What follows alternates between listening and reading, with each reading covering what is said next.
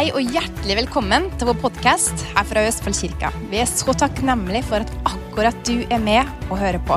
Og vi håper at dette vil være til oppmuntring og til inspirasjon for det. Er dere klare for å motta Guds ord i dag? Er dere klare for å, at Gud, selv, selveste Gud, snakker til deg? Er det noen som tror på det?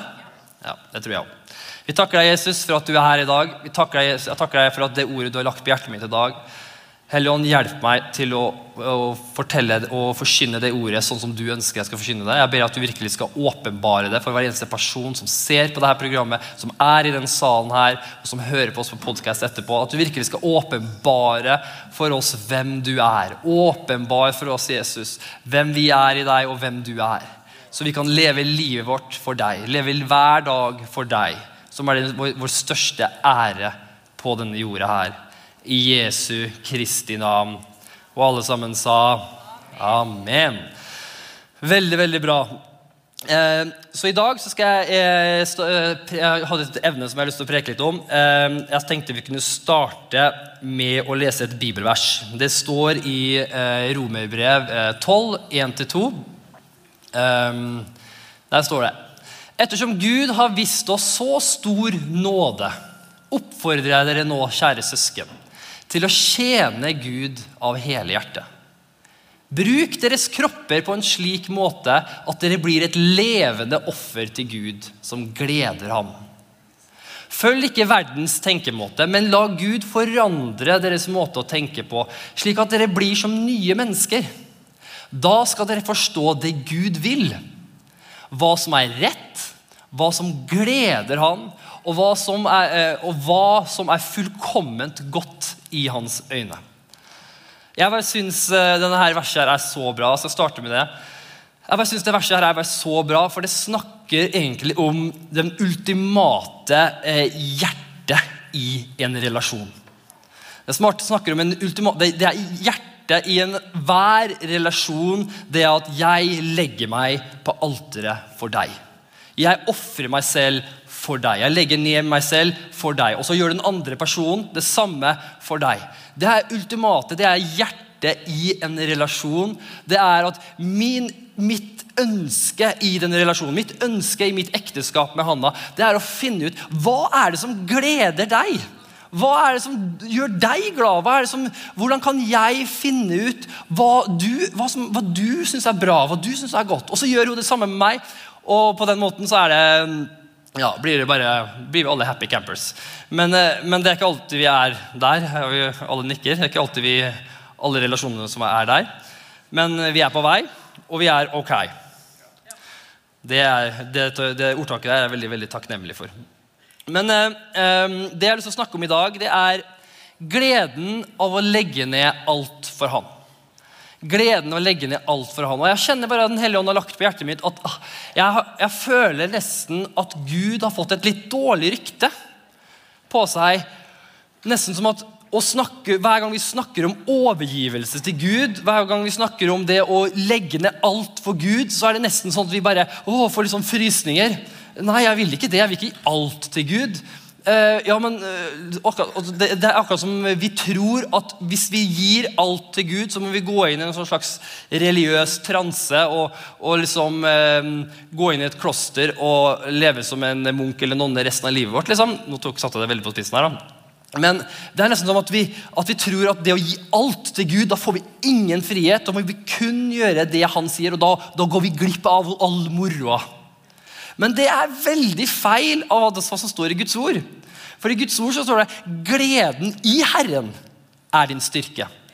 I Guds ord så, snakker det om at og det, selve gleden han er den som gleden kommer ifra. Det er fra Gud. Og Derfor så kalte, har jeg lyst til å ta, kalle denne preken her for 'gleden av å legge ned alt for ham'. For når du legger ned alt i ditt liv for han og sier vet du hva, her er livet mitt, Gud Alt legger jeg ned for deg. Og så har han allerede gjort det for deg. Han har allerede lagt ned livet sitt for deg. Han har allerede lagt ned alt for deg. Vet du hva som skjer Da Da kommer sann glede inn i livet ditt. Og da begynner faktisk det ekte livet med et eventyr hver dag. Så jeg, jeg, jeg tror virkelig at livet med Gud det er ikke tørt, monotont, eh, religiøst, kjedelig. Men livet med Gud det er en relasjon.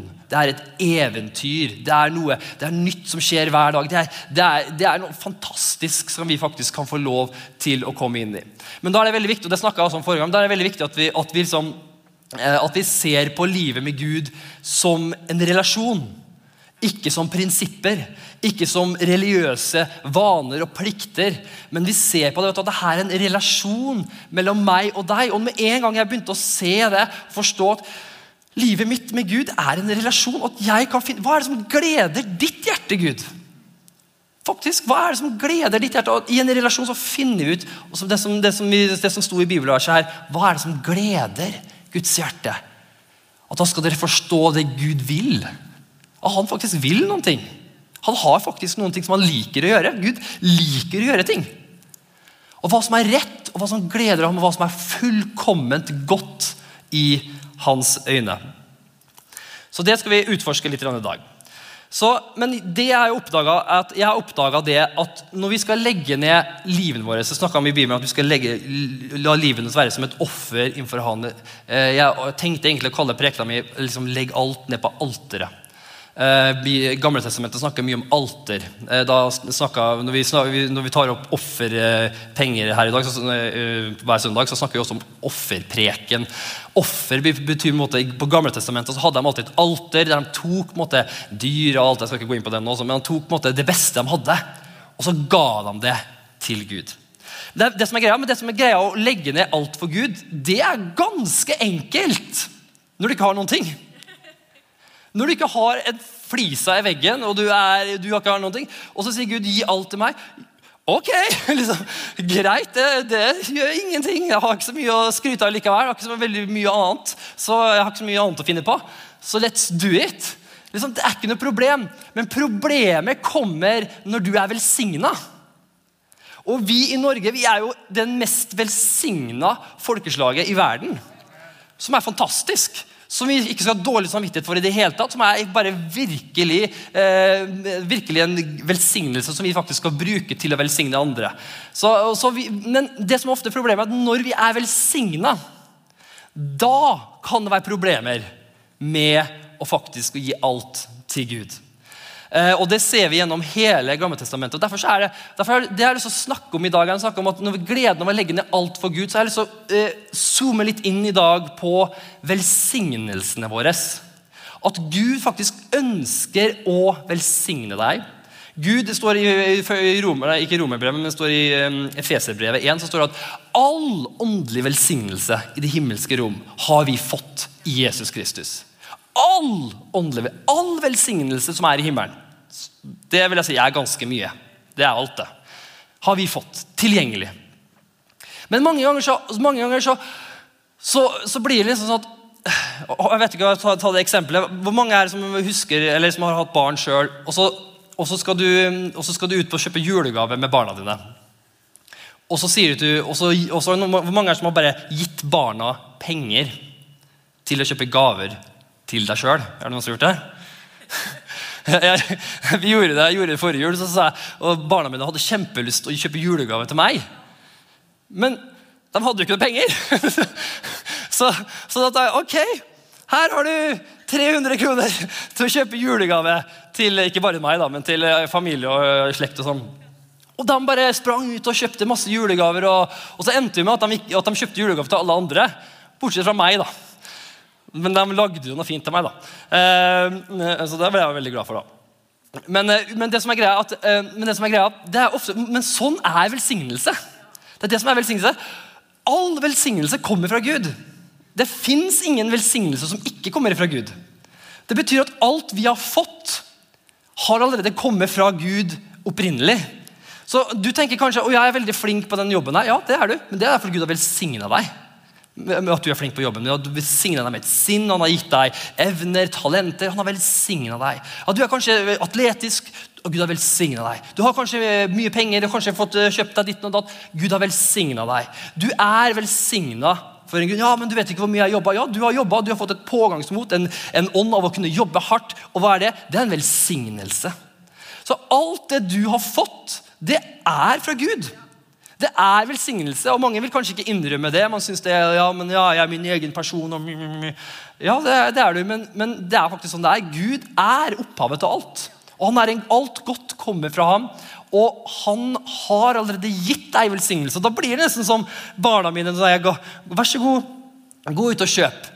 Og så kommer jeg på julaften så pakker jeg opp, og så får, ser jeg liksom, den fineste gaven fra barna mine, som jeg har betalt for. Men vet du hva, jeg blir så glad. Altså, for det her er noe de, de, de, ser, de ser ikke å, jeg har fått det fra De, de har tatt eierskap for de pengene jeg, jeg har gitt dem. Og så har de gått og kjøpt noe til meg, og jeg, det gleder hjertet mitt hver gang så masse. Så neste år så kanskje jeg gir dem litt mer penger. da. Vi får se. Eh, kanskje det blir dyrere, men da sier jeg men da må dere kjøpe kjøpegave til meg. Nei da. Men poenget mitt er det her er at vet du hva? Så Gud, all velsignelsen vi har fått i livet vårt, det kommer fra Gud. Vil, men, det, men, det, som gleder hjertet til Gud, at han vil mange ganger at vi skal gi det tilbake til han. At vi skal, ikke, ikke kanskje alltid gi det tilbake til han, men at vi skal legge det ned for han. For det som er hjertet til Gud, og det her sier jeg om og om og om igjen Hjertet til Gud er ikke først og fremst velsignelser. Velsignelser er, en, er noe som kommer med pakka. Hjertet til Gud er å ha en relasjon med deg. Hjertet til Gud er at du skal kunne kjenne han, og, han kunne, og du skal kunne bli kjent av han. At det skal sammen bare kunne bare leve livet sammen. Det er hjertet til Gud. Og ut ifra at du kjenner Gud, som er all, kilden til all velsignelse, så blir du velsigna. Det er en del av pakka. Men mange ganger så kan vi bli litt lurt. at mange ganger så, så begynner fokuset vårt, og når vi blir velsigna, begynner fokuset vårt å gå mot velsignelsen. Og så handler det egentlig alt om velsignelsen. Og alt vi ber om, handler om å Gud velsigne meg. velsigne. Og det, det, det man er alle de sesongene der vi, jeg har vært der sjøl, at nå, vet du hva, nå er nå, Gud, velsigne meg, kjære Jesus. Jeg trenger å bli velsigna. Og det er vi alle sammen. Men det jeg har lyst til å bare oppmuntre til i dag, vet du hva, at velsigne, det å kjenne Gud er velsignelsen. Og alt rundt det. Helbredelse, økonomisk velsignelse. Alt du noen gang måtte trenge materielt, åndelig, eh, for sjela di. Glede, fred. Alt er i Han. Han har alt han trenger. Og alt er i det ordet pappa. Han er min pappa Gud. Det betyr at du er hans største skatt. Og alt han har i himmelen, er ingenting i forhold til å ha deg. Alt jeg har i huset mitt, er kjempefint. og Hvis noen riper bilen min, så blir jeg litt frustrert. Men, for jeg er glad i bilen min, jeg er glad i tingene mine. Men i forhold til barna mine så kunne jeg bare kaste alt bort for barna mine. Og så Samme er det med Guds rike og deg også. Det, du er så verdifull for Gud. Ok, Så det jeg har lyst til å snakke litt om i dag, det er egentlig, jeg har lyst til å prate med deg, hvordan kan vi legge ned alt innenfor Gud? Og, og hvordan, kan, hvordan, skal vi, hvordan bruker Gud velsignelse jeg skal virkelig prøve å få ordlagt det her sånn som Gud har lagt det på hjertet mitt. Så du får bare be for meg inni meg at jeg skal klare det. Men hvordan Gud, hvordan bruker Gud velsignelse i ditt liv? Og, hvordan, og hva bruker han velsignelsen i ditt liv for? Ok? Så Da har jeg lyst til å bruke eh, Abraham som eksempel. Jeg har lyst til å snakke litt om Abraham i dag. For eh, Abraham han var jo eh, den eh, mannen som kanskje var mest velsigna. Eller, eller, som eh, ja, ble ja, kanskje mest velsigna på hele, hele Gammeltestamentet. Men han er også den personen som ble testa mest i velsignelse.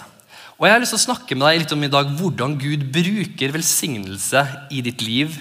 For ikke bare å velsigne deg. For det, det, er nummer én. Gud ønsker å velsigne deg. Gud elsker deg, han ønsker å velsigne deg. Hvorfor? For du er barna hans. Han bare elsker deg. Han vil at du skal bli glad. Men det som er greia også at velsignelse er ikke bare 'Å, så glad jeg har velsignelse, og alt er flott og alt er fint'. Nei, velsignelse kommer med ansvar. Så for å kunne være velsigna, så må du ha karakter for å kunne bære det. Og Derfor så kan ikke Gud bare utøse all velsignelse over deg hvis ikke vi takler å bære det. Han er ute etter å velsigne deg så mye han kan. Men hvis ikke vi takler å bære velsignelsen, så kan det mange ganger ødelegge oss.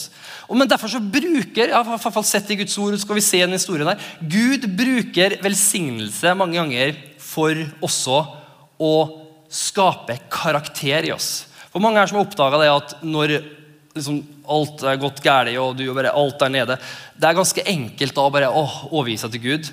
Men mange ganger når du er i den velsigna sesongen, er det nesten vanskeligere å overgi seg til Gud. Ok, Men nå skal vi hoppe litt inn i den historien her. Er du klar? Da hopper vi inn i um, første Mosebok. Um, ja, skal vi lese fra kapittel 22. Før jeg leser, så vil jeg gi, gi bare et lite bakteppe. Alle kjenner sikkert historien om Abraham, men her har jo Abraham um, Abraham har jo lengta egentlig hele livet sitt. Han var jo barnløs. Og hans største ønske når Gud spurte ham, hans største ønske var jeg vil ha en sønn. Jeg har ingen til å, til å arve meg. Jeg har ingen. Det er mitt største ønske. Det er jeg vil ha en sønn. Så, eh, og så sier Gud jeg vil gi deg en sønn. Og, han, og ikke bare gi deg en sønn, men jeg, det, men jeg skal velsigne alle nasjoner gjennom denne sønnen her. Og Nå hopper vi jo inn midt i en historie her, og nå hopper vi jo inn at nå har Abraham fått det ene han har lengta etter hele livet. Og nå kommer, nå står det at nå, vil, nå snakker vi om en historie hvor Gud tester eh, troa og velsignelsen som Abraham har fått. Ok, Etter dette skjedde det at Gud satte Abraham på prøve, og han sa til ham, 'Abraham.' Han svarte, 'Her er jeg.' Da sa han, 'Ta nå din sønn, den enbårne sønn Isak, som du elsker, og dra til Morialandet. Der skal du bære ham fram som et brennoffer på et fjell som jeg skal gi deg.' Som jeg skal si deg.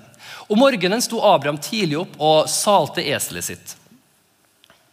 Han tok med seg eh, to av sine unge menn eh, og sin eh, sønn Isak. Så kløvde han veden til brennofferet, brøt opp og dro mot stedet Gud hadde sagt ham. På den tredje dagen da Abraham løftet blikket, fikk han se stedet langt borte. Abraham sa til sine unge tjenere, 'Bli dere her med eselet. Gutten og jeg vil gå, uh, gå dit bort for å tilbe.' 'Og så kommer vi tilbake til dere.' Så tok Abraham veden til brennofferet og la den, på, eh, la den, på, sin sønn Isak. Han tok ilden og kniven i hånden, og så gikk de to sammen. Men Isak talte til sin far Abraham og sa, 'Min far.' Han svarte, 'Her er jeg, min sønn.'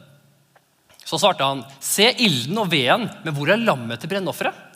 Abraham sa, 'Min sønn, Gud selv vil utse eh, for seg lammet til brennofferet.' Så gikk de to sammen. Så kom de til det stedet Gud hadde, hadde, sagt til ham. Der bygde Abraham et alter og la veden på plass. Så bandt han sin sønn Isak og la ham på alteret oppå veden. Abraham rakte ut hånden og tok kniven for å ofre sin sønn. Men en Herrens engel ropte til ham fra himmelen og sa, 'Abraham, Abraham!' Og han svarte, 'Her er jeg.' Han sa, 'Legg ikke hånden på gutten eller gjør ham noe.' 'For nå vet jeg at du frykter Gud, siden du ikke sparte din sønn, den enbårne, fra meg. Da løftet Abraham blikket og så, og se, bak ham var det en vær som satt, eh, eh, som satt fast i krattet med hornene. Så gikk Abraham bort og tok væren, og han ofret den som et brennoffer istedenfor sin sønn. Abraham kalte dette stedet 'Herren forsørger'. Eh, som det ble sagt på denne dagen på fjellet, 'Herren blir sett'. Da ropte Herrens engel til Abraham fra himmelen for andre gang og sa, 'Ved meg selv har jeg sverget', sier Herren, 'for det du har gjort dette, og ikke sparte din egen sønn, din enbårne', skal jeg rikelig velsigne deg og gjøre din slekt tallrik som stjernene på himmelen og som sanden, eh, og som sanden på havets strand. Dette er en ganske uh, sterk tekst. Ja, vi har et, et, og Din slekt skal innta portene til dine fiender, og din slekt skal alle folkeslag på jorden velsignes fordi du var lydig mot min røst. Og så har jeg også lyst til å lese i Hebreerne, som også snakker litt om uh, det, det scenarioet her. Hebreerne 11, 17-19. Da står det i tro på Gud uh, kunne Abraham stole på Gud da han ble satt på prøve. Derfor var han beredt til å ofre Isak på alteret, til tross for at Isak var den eneste sønnen. Gud hadde jo sagt eh, det er etterkommere av Isak som skal bli regnet som, dette, som det folket jeg har lovet deg. Abraham visste at Gud til og med kunne vekke opp de døde. Billedlig talt fikk Abraham Isak tilbake fra døden. Ok. Det var jo en liten lett, hyggelig tekst på morgenen. var det ikke det? Bare litt sånn, sånn avslappa, fin, hyggelig tekst. Jeg vet ikke med deg, men når jeg, her, når jeg har lest den teksten, her, så har jeg mange ganger tenkt Gud, hva er det du gjør? Liksom, hva, hva, er det som skjer her? I ene øyeblikket så sier du at du er god, og så nå plutselig så ber du ber du liksom Abraham ofre sønnen sin. Jeg har alltid tenkt på det her som, som en, sånn her, øh, liksom, som en historie som jeg nesten bare har hoppa over. Liksom, for jeg syns den er bare litt, nesten litt, litt, litt uh, grotesk. Da. Men, men, men det jeg, for det første, det jeg har lært meg, er at når det er tekster som er vanskelige i Bibelen, så har jeg også lært meg at ikke hoppe over dem. Men alltid, gå inn i dem. For det er, for det første, Gud er god, og han vil alltid vise deg sin godhet gjennom vanskelige tekster. Kanskje litt ekstra. Han vil vise deg ekstra dybde av sin godhet gjennom kanskje litt vanskeligere tekster. Og for å si det sånn, Gud her for det første, bare for å avsløre det, Gud hadde jo ingen intensjon om at, om at sønnen skal bli ofra. Aldri. Han kom aldri til å tillate det til å skje. Så Det var aldri en case. Mange ganger så henger vi oss veldig opp i det.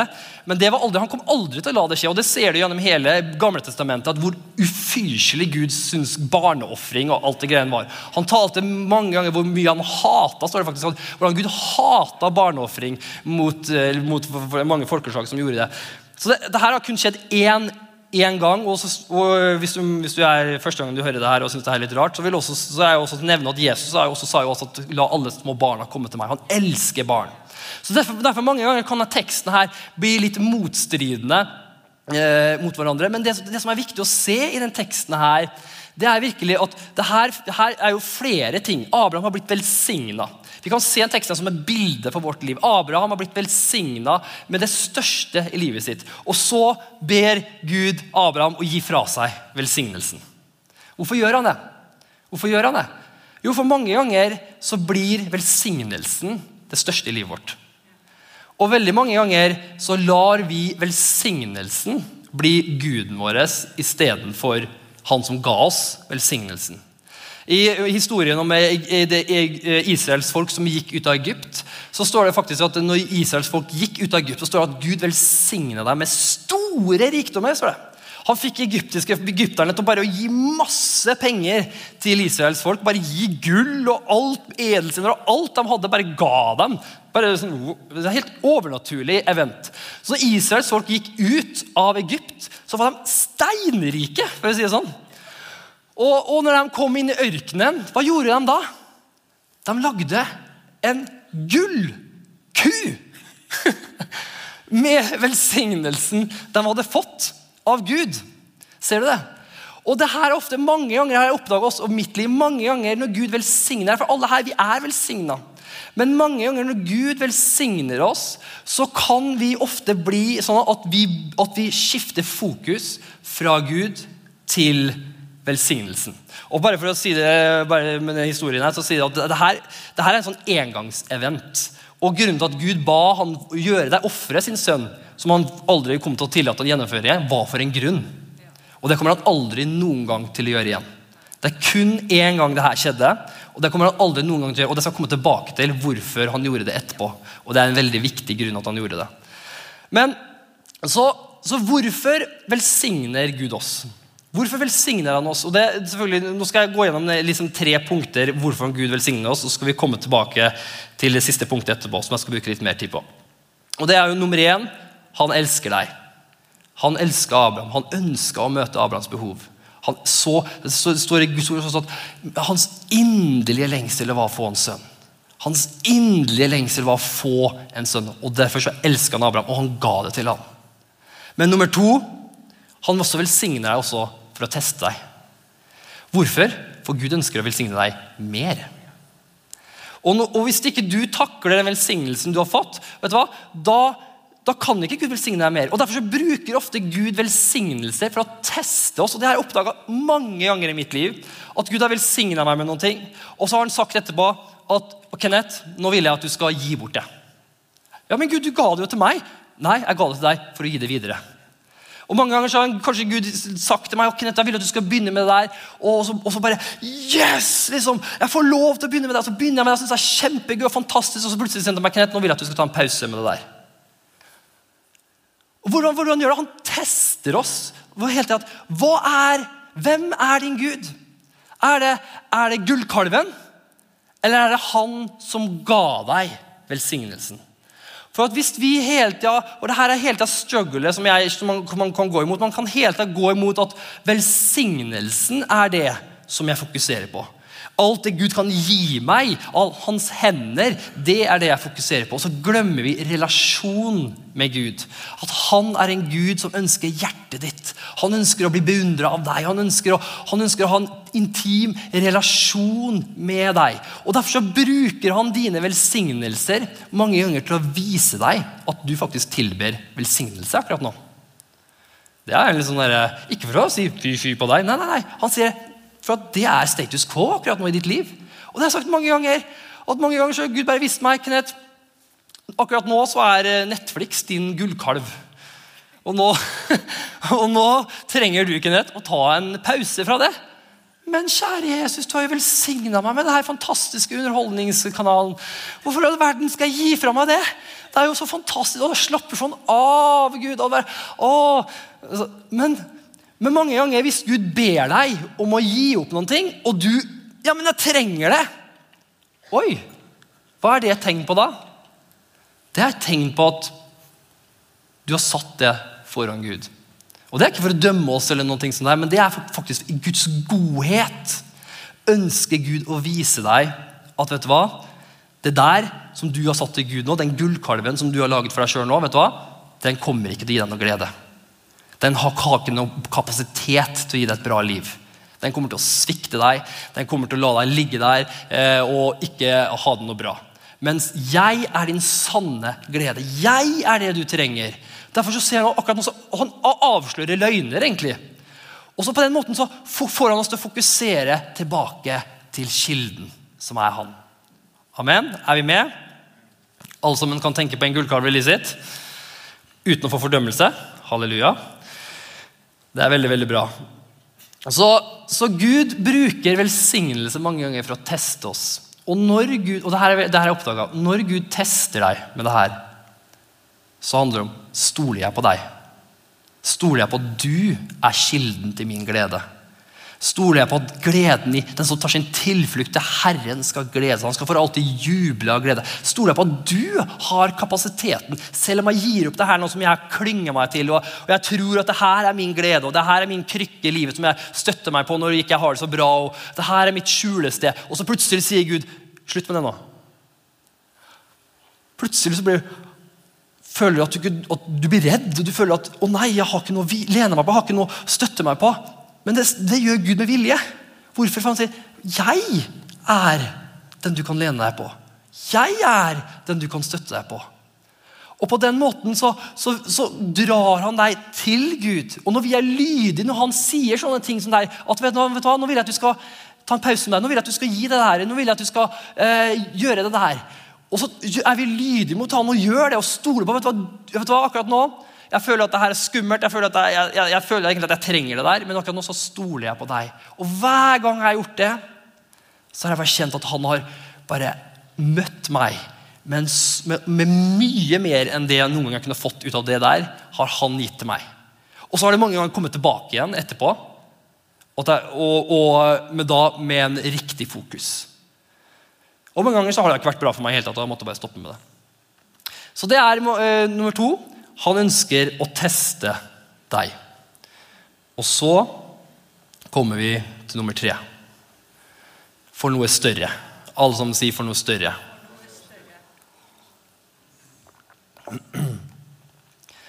Gud ønsker å velsigne deg for noe større enn deg selv.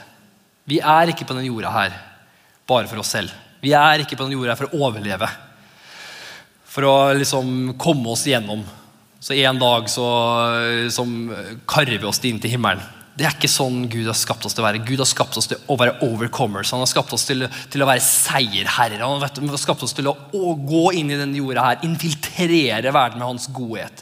Bare, bare sørge for at mennesker bare får se hvor god Gud er, hvor god, fantastisk han er. Han har kalt oss til å gjøre. Han har kalt oss til å være lys og salt i denne verden her. Og På den måten så ønsker han å velsigne deg. Han ønsker at du skal kunne være bærer av hans velsignelse. For gjennom deg så kan han velsigne andre. Han kan ikke velsigne andre.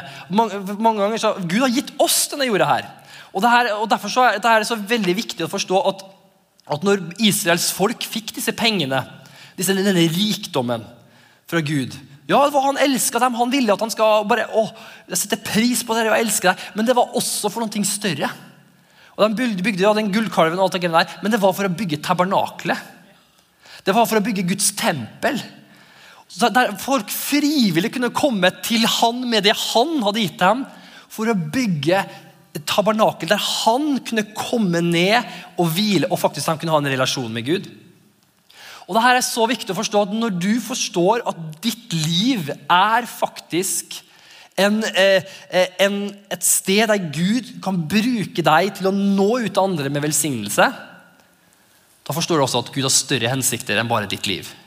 Og du vil også forstå at du, det lille livet vårt, som går rundt og hva enn vi gjør, det kan ha enorme ringvirkninger på denne verden her. Som f.eks. Abraham. Nå kan lovsangerne komme opp, og så skal vi avslutte litt med det, og så skal vi snart gå inn i nattverden.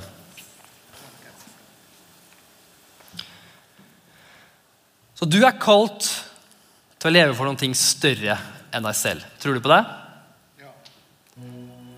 Du er kalt til å være velsigna. Og Gud ønsker å velsigne deg. Og, på, og når Gud han gir deg litt velsignelse, mer og mer velsignelse, han velsigner deg litt mer og mer, og jo mer du takler velsignelse, det betyr at du er velsigna, men fortsatt å fokusere på Gud. Fortsatt er ikke fokuset velsignelsene. Fokuset er deg, Jesus. Du er alt jeg trenger. Da kan han gi deg mer velsignelse. Han kan øse ut penger på deg. Han kan gi deg en million kroner. Det spiller ingen rolle hvorfor, for du tilber ikke penger. Du tilber han. Og hvis han gir deg en million kroner, så kan han si vet du hva, gi bort de millioner kroner. Ja, gir du det bort. Hvorfor? For du holder velsignelsene løst. Du, for det er ikke din kilde, det er ikke hvem du er. Du er Guds sønn. Du er Guds datter. Og det er din kilde. Det er hvem du er. Og Derfor så holder du velsignelsene løst. Og sier hva enn du vil bruke det til Gud. Du er min velsignelse, og jeg vet at du er god. Jeg vet at du kun vil det beste. Du vil aldri gjøre noe for å skade meg. Du vil aldri eh, stjele ting bort fra mitt liv. Du gjør kun ting som er bra for meg. Amen.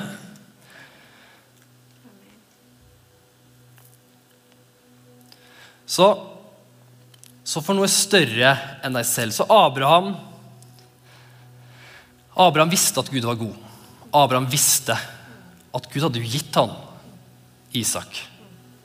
Han visste jo det at Isak var jo den som skulle oppfylle hele løftet. Det var jo, han som, det var jo fra Isak alle verdens slekter skulle bli velsigna. Og nå plutselig så sier Gud, 'Ofre sønnen din'. Hva skjer, liksom? Men hva gjorde Abraham? Han, han hadde fokuset sitt på Gud. Og han sto, så på Gud og sa vet du, 'Jeg stoler på deg, Gud'. Jeg vet at du er god. Jeg vet at når du har sagt en ting, så vil du du vil fikse det. Jeg vet ikke hvordan. Men han hadde sånn tro på, på sine relasjoner med Gud. At han visste at om jeg så gjør det, så vil du gjenopplive han. Men han ville jo, Gud ville jo selvfølgelig aldri gjøre det. Men Så han bare, så han bare var lydig mot Gud, og så gjorde han så gjorde, gjorde han faktisk Rett før han holdt kniven oppe, så sa Gud stopp. Stopp. Ikke gjør det. Og det som slår meg i denne historien her, det er at Gud stoppa Abraham fra å ofre sin sønn Isak. Selv om han visste, at han visste at han ikke kunne stoppe sin egen sønn å bli ofra for oss. Gud visste at han trengte tillatelse fra Abraham for å kunne ofre sin egen sønn. Jesus. Og Hvis du leser i 1. Matteus, så ser du at slektslinja til Jesus starter med Abraham. Så ser du at i slektslinja til Abraham er Jesus. Og det han faktisk gjorde der, Abraham, det var at han faktisk tillot Gud å kunne ofre sin elskede sønn. Men denne gangen så var det ingen stopping.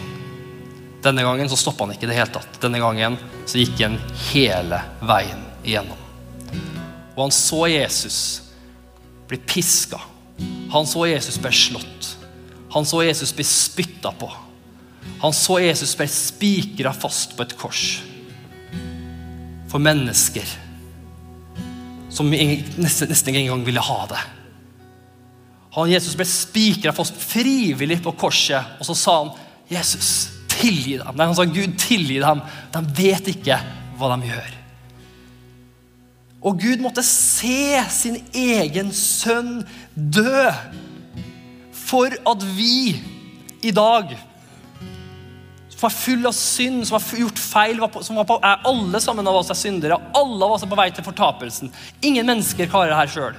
Og han, Gud så det. Han så at alle mennesker er på vei bort fra meg. Alle mennesker er på vei inn i synd og inn i mørket. Og inn i fortapelsen. Og vet du hva? Jeg elsker ham så mye at jeg er villig til å gå hele veien. Jeg er villig til å faktisk og Jesus også er villig til å la min sønn bli ofra. For at du skal kunne bli tilgitt. Så at du skal kunne bli rensa i Jesu Kristi blod. Sånn at du skal kunne få muligheten til å bli kalt Guds barn i dag. Og på grunn av det offeret Jesus gjorde, så kan vi sitte her i dag så kan vi komme med frimodighet innenfor Guds trone og så si Her er jeg, og du er helt ren.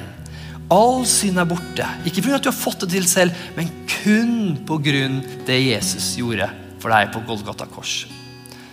Amen. Nå skal vi straks ta nattverden, så kan møtesvertene komme fram. Så skal vi dele ut straks nattverdselementene. Men ser du det bildet her? Ser du det sterke bildet av Abraham? Og det er bildet på hva Jesus gjorde for deg. At han døde på et kors, men sto opp igjen fra det døde. Beseira alle mørkets makt. Og i dag så sitter han ved Guds høyre trone. Skal en dag komme igjen for å dømme levende døde. Og i dag så får vi faktisk lov. Og på grunn av det valget for Gud av velsignelse så, så velsignelsen starta med Det starta med Isak. Han ga Isak til han, men Guds plan gjennom, med velsignelsen til Abraham, hva var det? Til å velsigne alle verdens folk. Gud hadde en større plan. Gud hadde en større plan med sin velsignelse enn bare det lille livet hans. Og det vil jeg at du skal se også med ditt liv at når du stoler på Gud, med den lille velsignelsen du har Kanskje Gud har lagt en lengsel i hjertet, kanskje Gud, og kanskje Gud begynner å teste deg litt med velsignelsen. Vet du hva? Det er verdt det. Det er verdt å la han teste deg. Det er verdt det. Hva enn han sier, det er så verdt det. For Gud er kilden. Det er han som er vårt hjerte. Det er han som er vårt alt. Og når du lar han få lov til å bruke ditt liv, så vil du faktisk bli helt du blir helt mindblown av hva han kommer til å gjøre. Gjennom generasjoner av generasjoner etterpå så kommer han til å bruke ditt liv til å velsigne mennesker. Kanskje ikke, Abraham så, så det ikke ut sånn i hele tatt. Abraham bare, han så jo bare sin sønn kanskje to, to generasjoner etterpå. Men i dag så ser vi at hele verden er velsigna pga. at én mann bestemte seg for vet du hva, Gud, jeg stoler på deg med alt. Jeg legger alt ned på alteret for deg. Hele livet mitt er ditt, Gud. Alt hva jeg er. Og derfor så er nå hele verden velsigna. Amen. Vi takker deg, Jesus, for at du er her akkurat nå. Vi takker deg, Jesus, for det du gjorde på Golgata kors. Vi takker deg, Jesus, for at vi kan stå her i dag som syndfrie, rensa i ditt blod. Pga. ditt verk på Golgata kors for at du, ble et opp, du var offerlammet.